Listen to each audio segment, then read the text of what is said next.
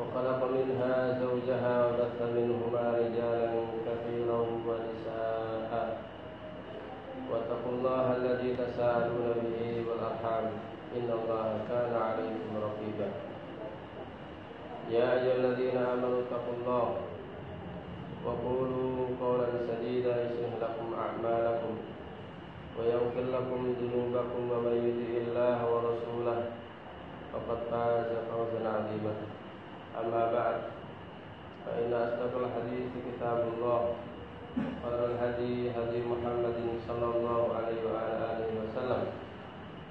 وشر الأمور محدثاتها وكل محدثة بدعة وكل بدعة ضلالة وكل ضلالة في النار. أيها الناس قال الله سبحانه وتعالى ولا تقولن لشيء إني فاعل ذلك غدا إلا أن يشاء الله واذكر ربك إذا نسيت وقل عسى أن يهدي لربي لأقرب من هذا رشدا Ayat yang kita baca tadi adalah ayat di surat Al-Kahfi dan masih merupakan silsilah rangkaian dari khutbah Jum'ah tentang tafsir surat Al-Kahfi. Di dalam ayat tersebut Allah mengatakan wara taqulanna. Janganlah engkau berkata ya Muhammad kita yang diajak bicara adalah Rasulullah sallallahu alaihi wasallam. Dan juga umat ini. Janganlah engkau mengatakan ya Muhammad ini fa'ilun. Aku pasti akan mengerjakan hal ini. Fa'ilun dari kabadan besok illa an yasha'allah kecuali engkau mengucapkan insya Allah Wadkur Rabbaka idha nasita. Dan sebutlah nama Rabbumu jika engkau lupa. Wakur. Asa ayah dia li Rabbi Li akraba min hadha rasyadat Dan katakanlah mudah-mudahan Allah memberikan hidayah padaku liakrul min hadha rasada kepada yang lebih dekat rusudnya kepada yang lebih benar.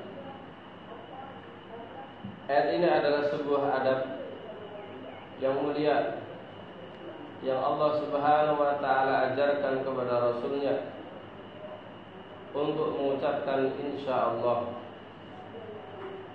Nah adabun asbabun nuzul sebab turunnya ayat ini yang diriwayatkan oleh Ibnu Ishaq dan yang lainnya dari hadis Ibnu Abbas radhiyallahu anhu bahwa Rasulullah bahwa Quraisy mengutus beberapa orang untuk bertanya kepada Rasulullah SAW tiga hal yaitu tentang ashabul kahfi kemudian yang kedua tentang Zulkarnain dan yang ketiga tentang roh Kemudian Rasul saya SAW menjawab Memberikan janji kepada mereka Uji hukum kemugadan Saya akan menjawab pertanyaan kalian ini besok.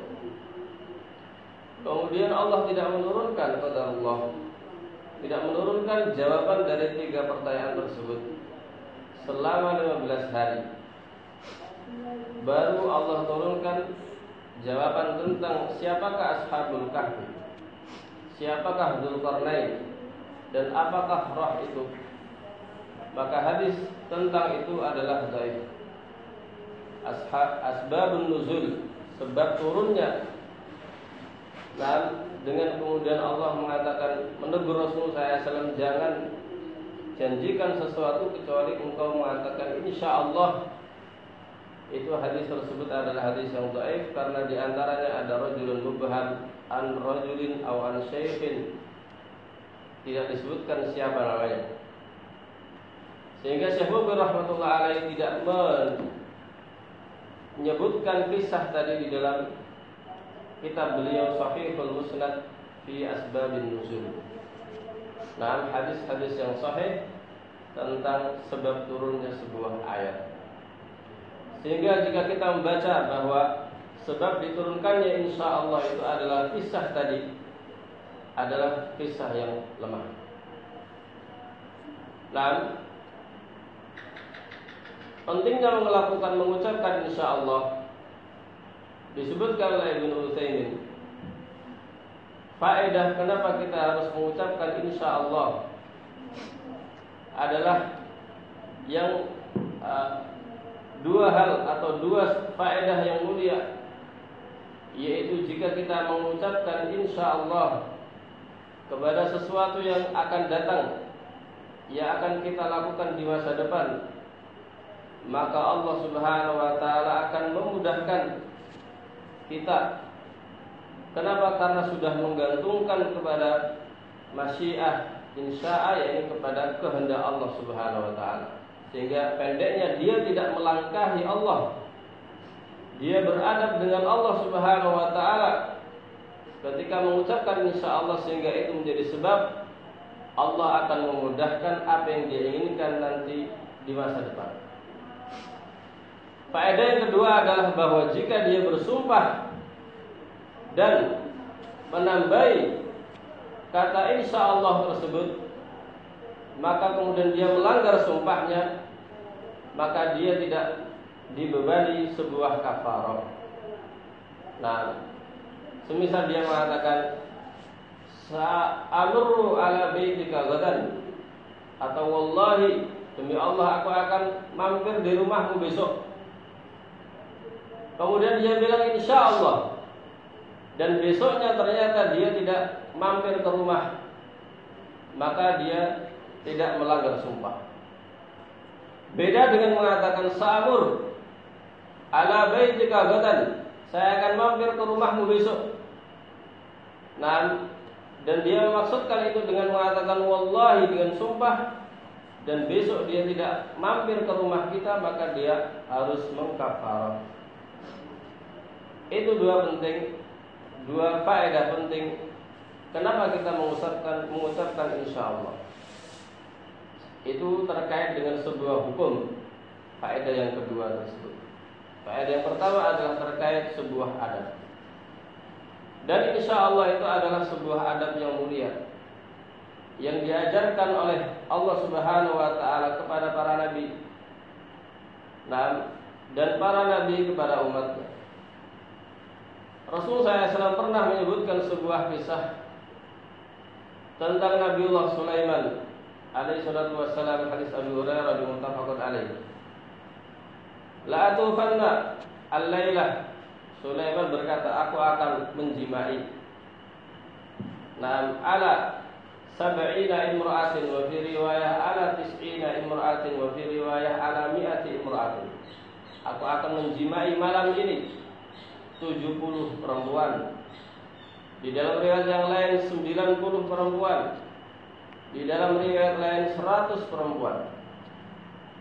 Nah, wa ta'ti kullu imra'atin minhunna dan seluruh perempuan tadi itu akan melahirkan gulaman yujahidu fi sabilillah akan melahirkan anak-anak yang nanti akan berperang di jalan Allah Subhanahu wa taala. Faqala lahul malak maka ada malaikat yang berkata kepada Sulaiman, "Kul insyaallah." Ucapkan insyaallah ya Sulaiman. Fanasiya wa lam yakul. Maka Nabi Sulaiman pun lupa dan tidak mengatakan insyaallah. Itu. walam yalid awalam talid minhunna illa imra'atun wahidatun. Maka tidaklah lahir atau tidak ada dari seratus perempuan tadi dari hasil persetubuhan di dalam satu malam tersebut kecuali satu perempuan. Tadi itu nisfal insan nah hanya melahirkan satu bayi yang bayi itu pun cacat jenis kau. Faqala Rasulullah SAW Maka Rasulullah mengatakan Lau qala Sulaiman insyaallah Kalau seandainya Sulaiman mengucapkan insyaallah Lam yahnas Wa kana darakan li hajatih Maka kata Rasulullah SAW Pasti Sulaiman akan Darakan ay akan mendapati Keinginan dia Jadi maknanya adalah akan sesuai dengan apa yang dia minta.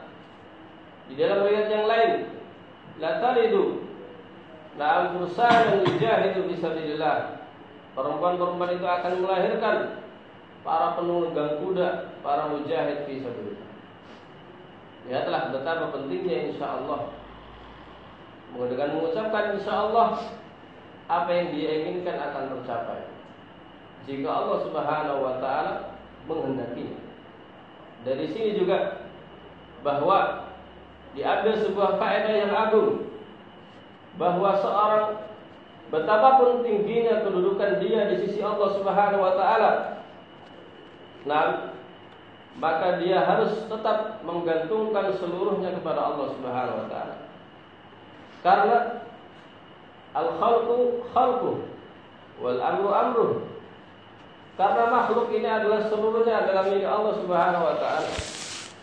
Dan urusan segala urusannya makhluk itu adalah miliknya Allah Subhanahu wa taala. Siapa pun dia. Jika Allah Subhanahu wa taala sudah tidak berkehendak, betapapun tingginya kedudukan dia di sisi Allah Subhanahu wa taala, tidak akan mempengaruhi keputusan Allah Subhanahu wa taala secara takdir kaum. Nah, diambil dari kisah Sulaiman tersebut yang mana Nabi Sulaiman adalah seorang nabi yang mulia yang memiliki kedudukan yang tinggi di sisi Allah Subhanahu wa taala. Tapi jika Allah Subhanahu wa taala berkehendak lain dikarenakan sebab dari Nabi Sulaiman sendiri maka tidak akan sesuai dengan kehendaknya Nabiullah Sulaiman. Nah, sebuah kisah di surat Nun wal qalam wa ma yasturun. Sebuah kisah yang panjang tentang orang-orang kikir, orang-orang bakhil. Yang mana mereka itu memiliki panenan yang akan dipanen. Baik. Mereka memiliki keinginan ayo kita panen malam malam saja. Kenapa? Kalau kita panen di pagi hari atau di siang hari, nanti ada orang miskin lewat pasti minta panen kita. Jadi kita panen di malam hari aja, biar apa namanya orang-orang miskin nggak tahu kalau kita lagi panen, sehingga hasil kita sempurna 100%. Nah, fantalaku wa hum yatakhafatun alla yadkhulanna al-yawma 'alaykum miskin gadaw ala harbin qadirin falamma ra'awha qalu inna ladallun bal nahnu mahrumun Taib. Ketika mereka sampai di ladang mereka yang mereka siap untuk panen, mereka melihat sebuah pemandangan di ladang mereka sesuatu yang aneh. yakni seluruh ladang mereka sudah hancur. Seluruh Nah, tanaman yang akan mereka panen sudah hancur. Baik. Sampai di antara mereka innaladzalun. Kita ini tersesat. Ini bukan ladang kita ini. Nah, ini bukan ladang kita karena ladang kita masuk Allah. Ini siap dipanen, tapi ini hancur semua tanaman ini. Pangling maknanya. Baik. Kalau nahnu mahrumun. Di antara mereka ada yang lebih berakal lagi dengan mengatakan ini ladang kita. Tapi Allah menimpakan musibah terhadap ladang kita apa? Dan kita mahrumun kita dihalangi dari hasil panenan itu. Qala awsatuhum alam aqul lakum laila tusabbihun? Nah di antara mereka mengatakan wala yastasnun. Atau waktu ketika mereka akan kita akan panen. Nah disebabkan kenapa mereka itu hancur tanamannya sebelum mereka panen ketika Allah mengatakan wala yastasnun jadi kita akan panen malam ini juga. Baik. Tapi Allah mengatakan wala yastasnu. Tapi mereka tidak mengatakan insya Allah. Baik. Tidak mengatakan insya Allah. Sehingga ketika mereka tidak mengatakan insya Allah tadi, maka kemudian Allah hancurkan disebabkan niat busuk mereka yang pertama dan juga ketika mereka tidak mengatakan yastasnu, tidak mengatakan insya Allah. Sehingga apa? Pada akhirnya mereka dibinasakan panenan tadi Allah Subhanahu wa taala. Baik, qala awsaduhum alam aqul la tusabbihun. Orang yang berakal yang paling berakal di antara mereka mengatakan, "Sudahkah aku bilang Kenapa kalian tidak bertasbih kepada Allah? Kenapa kalian tidak mengatakan insya Allah? Nah, sehingga mereka saling menyalahkan.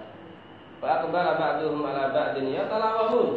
Mereka saling berhadapan-hadapan satu dengan yang lain dan saling menyalahkan gara-gara kamu dan seterusnya. Padahal semua salah karena apa?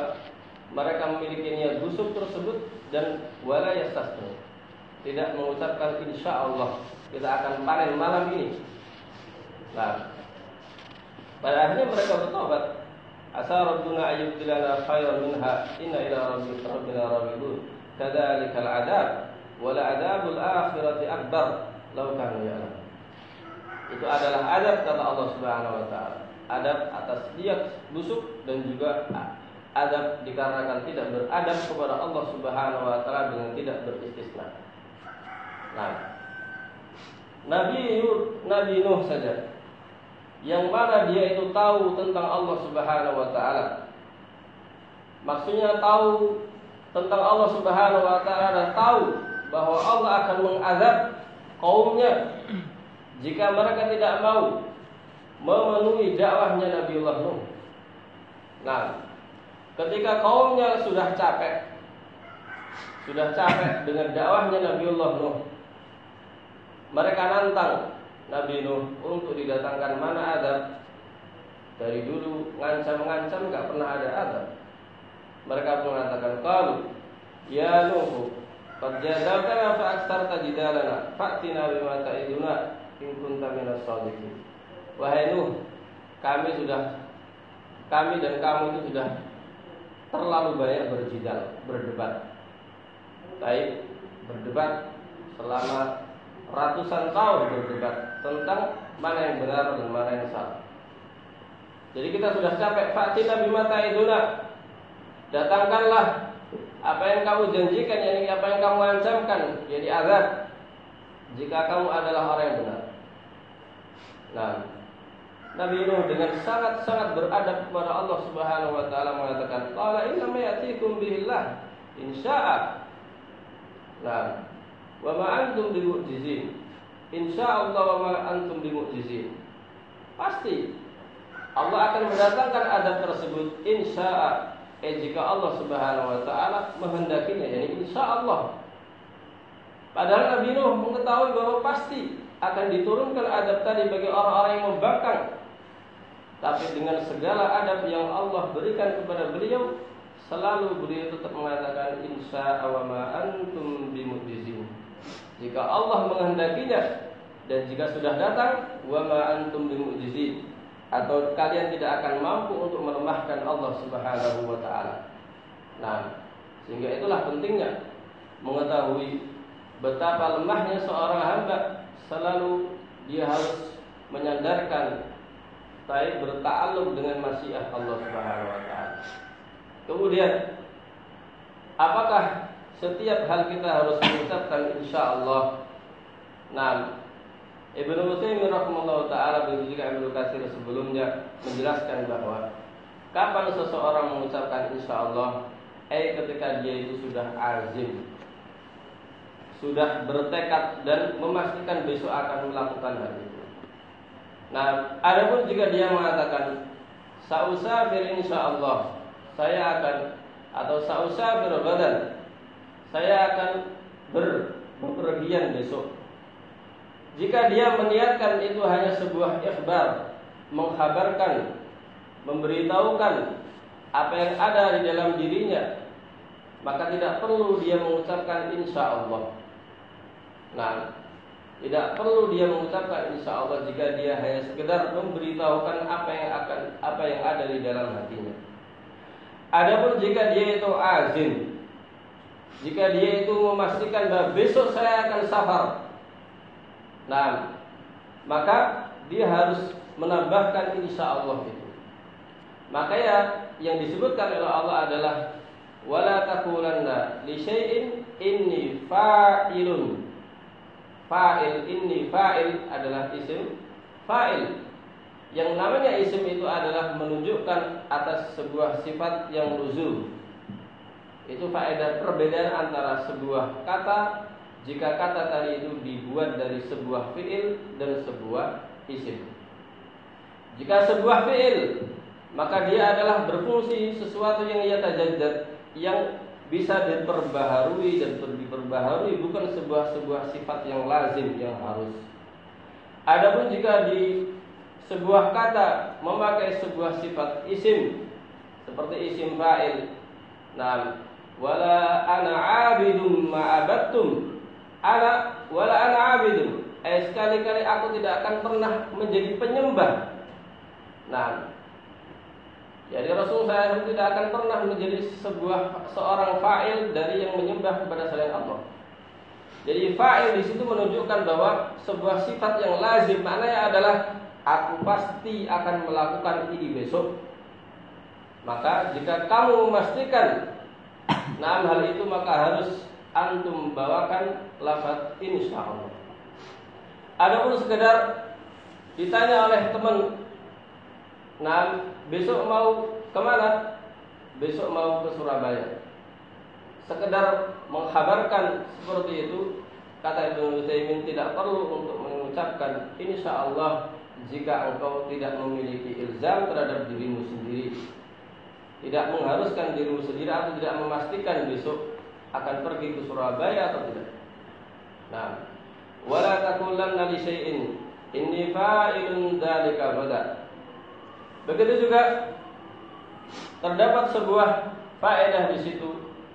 Boleh mengucapkan insya Allah untuk tabarruk. Nah, untuk mendapatkan barakah dari insya Allah tersebut. Walau itu adalah sesuatu yang sudah pasti. Contoh firman Allah Subhanahu wa taala. Laqad sadaqallahu rasulahu ru'ya bil haqqi. La tadkhulunna al-masjidal harama insyaallah amilina muhallikina ru'usakum wa muqassirina la takhafun fa'alima ma lam ta'lamu faj'ala min duni dzalika fathan qariba Allah sudah membenarkan mimpimu bahwa engkau akan masuk ke Masjidil Haram insyaallah aminina muhallikina ru'usakum maksudnya di situ adalah Allah memastikan bahwa suatu saat Rasulullah SAW akan bisa menaklukkan Mekah dan masuk ke Mekah dalam keadaan amin, dalam keadaan aman. Dalam keadaan muhallikina ru'usakum wa muqassirina dalam keadaan berhaji. Ada yang dipotong rambutnya, ada yang cuma dipendekkan. Dan mimpi seorang nabi itu adalah pasti. Mimpi seorang nabi itu adalah pasti. Tapi di situ Allah Subhanahu wa taala mengatakan, "Insya Allah Nah, insya Allah, yakni sesuai dengan jika Allah berkehendak atas hal itu. Maksudnya adalah kita baru. Nah, mencari barokah dengan kata-kata insya Allah. Begitu juga doa ketika ketika kita menziarahi kubur. Assalamualaikum ahla diyar minal mu'minin al muslimin wa inna insyaallah bikum lahikun Nas'alullah lana wa lakumul afiyah. Ketika kita berziarah ke kuburan, kita memberikan salam kepada orang yang sudah dikubur di situ baik kaum muslimin, nah dan kaum muslimat. Dan kita mengatakan wa inna insyaallah bikum lahiqun. Dan kita insyaallah akan menyusul kalian. Apakah kematian itu adalah sesuatu yang mungkin iya dan mungkin tidak? Jawabannya adalah kematian itu sesuatu yang pasti. Nah, kullu nafsin da'iqatul maut. Akan tapi dalam rangka bertabarruk mencari barokah dengan lafaz insyaallah maka boleh kita mengatakan wa inna insyaallahu bikum lahiqun. Yani dan insyaallah kita akan menyusul Padahal itu adalah perkara yang pasti. Nah, sehingga bertabarruk dengan ucapan insya Allah walau untuk sesuatu yang pasti itu tidak mengapa. Adapun yang disebutkan oleh Al-Is Abdul Salam di Tahawiyah dengan atau bulunya sebagian orang dengan mengatakan ini adalah meja insya Allah, ini adalah masjid insya Allah, ini adalah kitab insya Allah, ini adalah tongkat insya Allah, ini adalah pintu insya Allah, itu semuanya tidak ada dalilnya. Nah, sehingga berlebih-lebihan di dalam perkara itu. Ini adalah sandal insya Allah, ini adalah kasur insya Allah, ini adalah masjid, ini adalah rumah insya Allah. Semuanya ini adalah enam kesalahan di dalam memakai lafaz insya Allah.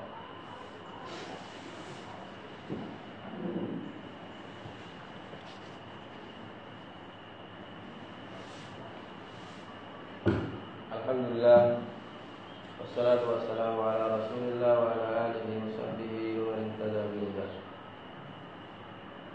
Wadkur rabbaka idha nasita Nah, ingatlah Rabbu jika engkau lupa. Di situ terdapat dua makna yang disampaikan oleh para ulama. Makna yang pertama adalah makna secara umum yaitu yang disampaikan oleh Ibnu Katsir taala jika engkau lupa terhadap sesuatu, terhadap sebuah pekerjaan, terhadap sesuatu yang akan kamu lakukan, terhadap sebuah benda-benda tertentu, maka ingatlah Allah Subhanahu wa taala. Karena lupa itu adalah dari syaitan. Sebagaimana disebutkan oleh Allah tentang kisah Nabi Musa dan Nabi Uzair atau Yusa bin Nun, "Wa ma illa syaitanu an sabilahu fil bahri. Dan tidaklah aku lupa untuk menyebutkan bahwa ikan tadi sudah lepas, sudah lepas dari tempatnya kecuali syaitan. Jadi syaitanlah yang menjadikan aku itu lupa. Nah, di sebuah sari sebuah kaset miliknya Syekh Al-Albani taala beliau meluruskan sebagian tradisi dari orang jika dia lupa terhadap sesuatu dia bersolawat. Nah, lupa naruh kunci, kemudian dia mengatakan Allah sholli ala Muhammad, Allah sholli ala Muhammad sambil nyari-nyari kunci.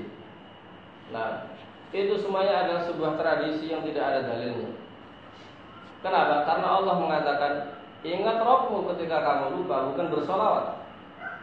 Nah, sehingga mungkin ada orang-orang sufi yang karena mereka itu suka solawatan, kemudian dia lupa terus kemudian bersolawat, itu tidak ada dalilnya. Sehingga ketika kita lupa, ingatlah Allah Subhanahu Wa Taala, karena Allah akan, nah karena setan itu atau lupa itu dari setan dan dengan zikir setan itu akan hilang, akan pergi. Nah, sebagaimana syaitan itu lari ketika dikumandangkan azan, karena azan itu adalah zikir. Sehingga barang siapa yang lupa ingatlah Allah Subhanahu wa taala. Makna yang kedua adalah wadkur rabbaka idza nasita. Ya ini terkait dengan sebuah sumpah. Apa maksudnya? Eh jika kamu lupa, nah ketika kamu bersumpah wallahi Naam sa'adkhulu baitaka ghadan. Semisal Demi Allah Taib, aku akan masuk ke rumahmu besok Jika kamu lupa mengucapkan insya Allah Maka bilang insya Allah Dan bilang insya Allah Terus jika ingatnya ini sudah lama Apakah berfaedah insya Allah tadi itu? Apa faedahnya insya Allah tadi? Jika seorang bersumpah dan dia mengatakan insya Allah kemudian dia melanggar sumpah itu, maka dia tidak mendapatkan kafar. Itu faedahnya. Ya lebih. Jika dia mengatakan wallahi saya akan berkat begini dan begini, tapi dia mengatakan insya Allah, maka jika dia melanggar, maka dia tidak dikenai kafar. Tapi jika dia itu lupa mengucapkan insya Allah, terus kemudian satu jam, dua jam, atau sehari, dua hari, atau mungkin setahun dia baru ingat Kemudian dia mengatakan Insya Allah Setelah itu Apakah berfaedah insya Allahnya Terjadi khilaf para ulama? Nah para ulama di antaranya mereka mengatakan Walau setahun Dia mengatakan insya Allah Setelah dia bersumpah Maka jika dia melanggar sumpahnya Nah dia tidak akan dikenai kafarah. Adapun jumhur ulama dan ini adalah pendapat yang benar dia atau perkataan insya Allah tadi itu masih akan bisa mencegah kafarah jika antara sumpahnya dan ingatnya dia mengucapkan insya Allah itu masih dekat. Jadi misalnya sejam, baik jika masih dekat dengan sumpahnya, maka kemudian dia baru ingat saya mengatakan insya Allah, kemudian dia mengatakan insya Allah, maka masih berfaedah. Dan itu yang dikuatkan oleh Ibnu Utsaimin. Cuma Ibnu Utsaimin mengatakan jika masih di majelis itu. Nah, jika masih di majelis. Ketika dia duduk, Taib dia bersumpah demi Allah besok saya akan mampir ke rumahmu. Masih duduk. Nah, dan belum berdiri dan keluar dari majelis. Nah, kemudian dia baru ingat, insya Allah maka masih bermanfaat. Taib. Adapun jika dia keluar majelis sudah pulang ke rumahnya baru ingat saya akan mengucapkan insya Allah biar nanti kalau saya melanggar gak kena kafarah. Tapi jika dia sudah di luar majelis dan mengucapkan insya Allah maka faedahnya adalah pertama dia tetap dikenai kafarah tapi dia tidak berdosa ketika melanggar sumpahnya. Sehingga sumpah jika dia mengatakan insya Allah hanya dan sudah keluar dari majelis hanya akan menghilangkan dosa tapi kafarah tetap akan dikenai kafarah karena sudah keluar dari majelis. Nah, wa rabbaka idza nasita wa qul asa ayyahdiyani rabbi li aqrab min hadza rasada. Ini adalah doa nah yang dibimbingkan oleh Allah kepada Rasulullah SAW untuk nah kepada Rasulullah SAW agar dia agar manusia itu selalu berharap kepada Allah Subhanahu wa taala. Rus dan istiqamah harus maknanya adalah istiqamah sebagaimana disebut oleh Ibnu Haq Ibnu Rajab rahimahullah taala. Sehingga seseorang meminta selalu istiqamah kepada Allah Subhanahu wa taala itu termasuk sebuah bimbingan dari Allah Subhanahu wa taala, bimbingan yang baik kepada Allah dan kepada Rasulnya dan kepada umatnya. Mudah-mudahan khutbah Jumat kali ini bermanfaat bagi kita semuanya. Alhamdulillah.